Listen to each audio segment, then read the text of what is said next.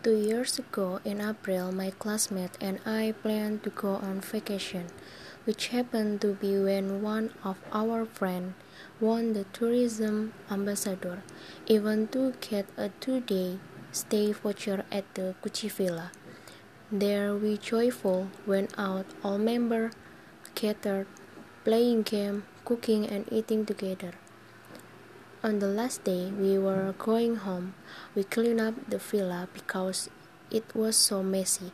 When we were ready to leave the villa, we realized that the villa key wasn't there.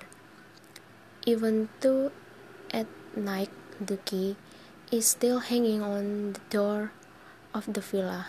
Nearly three until four hours we searched for the key, but the results were zero. We did not find it.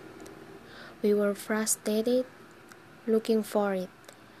Finally, we decided to meet the owner of the villa to say that the key the villa was gone and compensation about 100,000. But we were happy and enjoyed that moment of togetherness.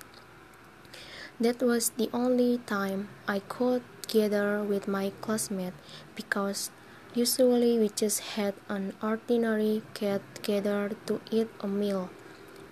But while at the villa, I feel we were very close, talking about something that made us closer, teaching us to understand the true meaning of solidarity.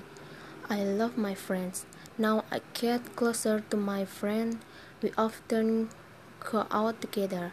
We meet to release homesickness and talk about new story.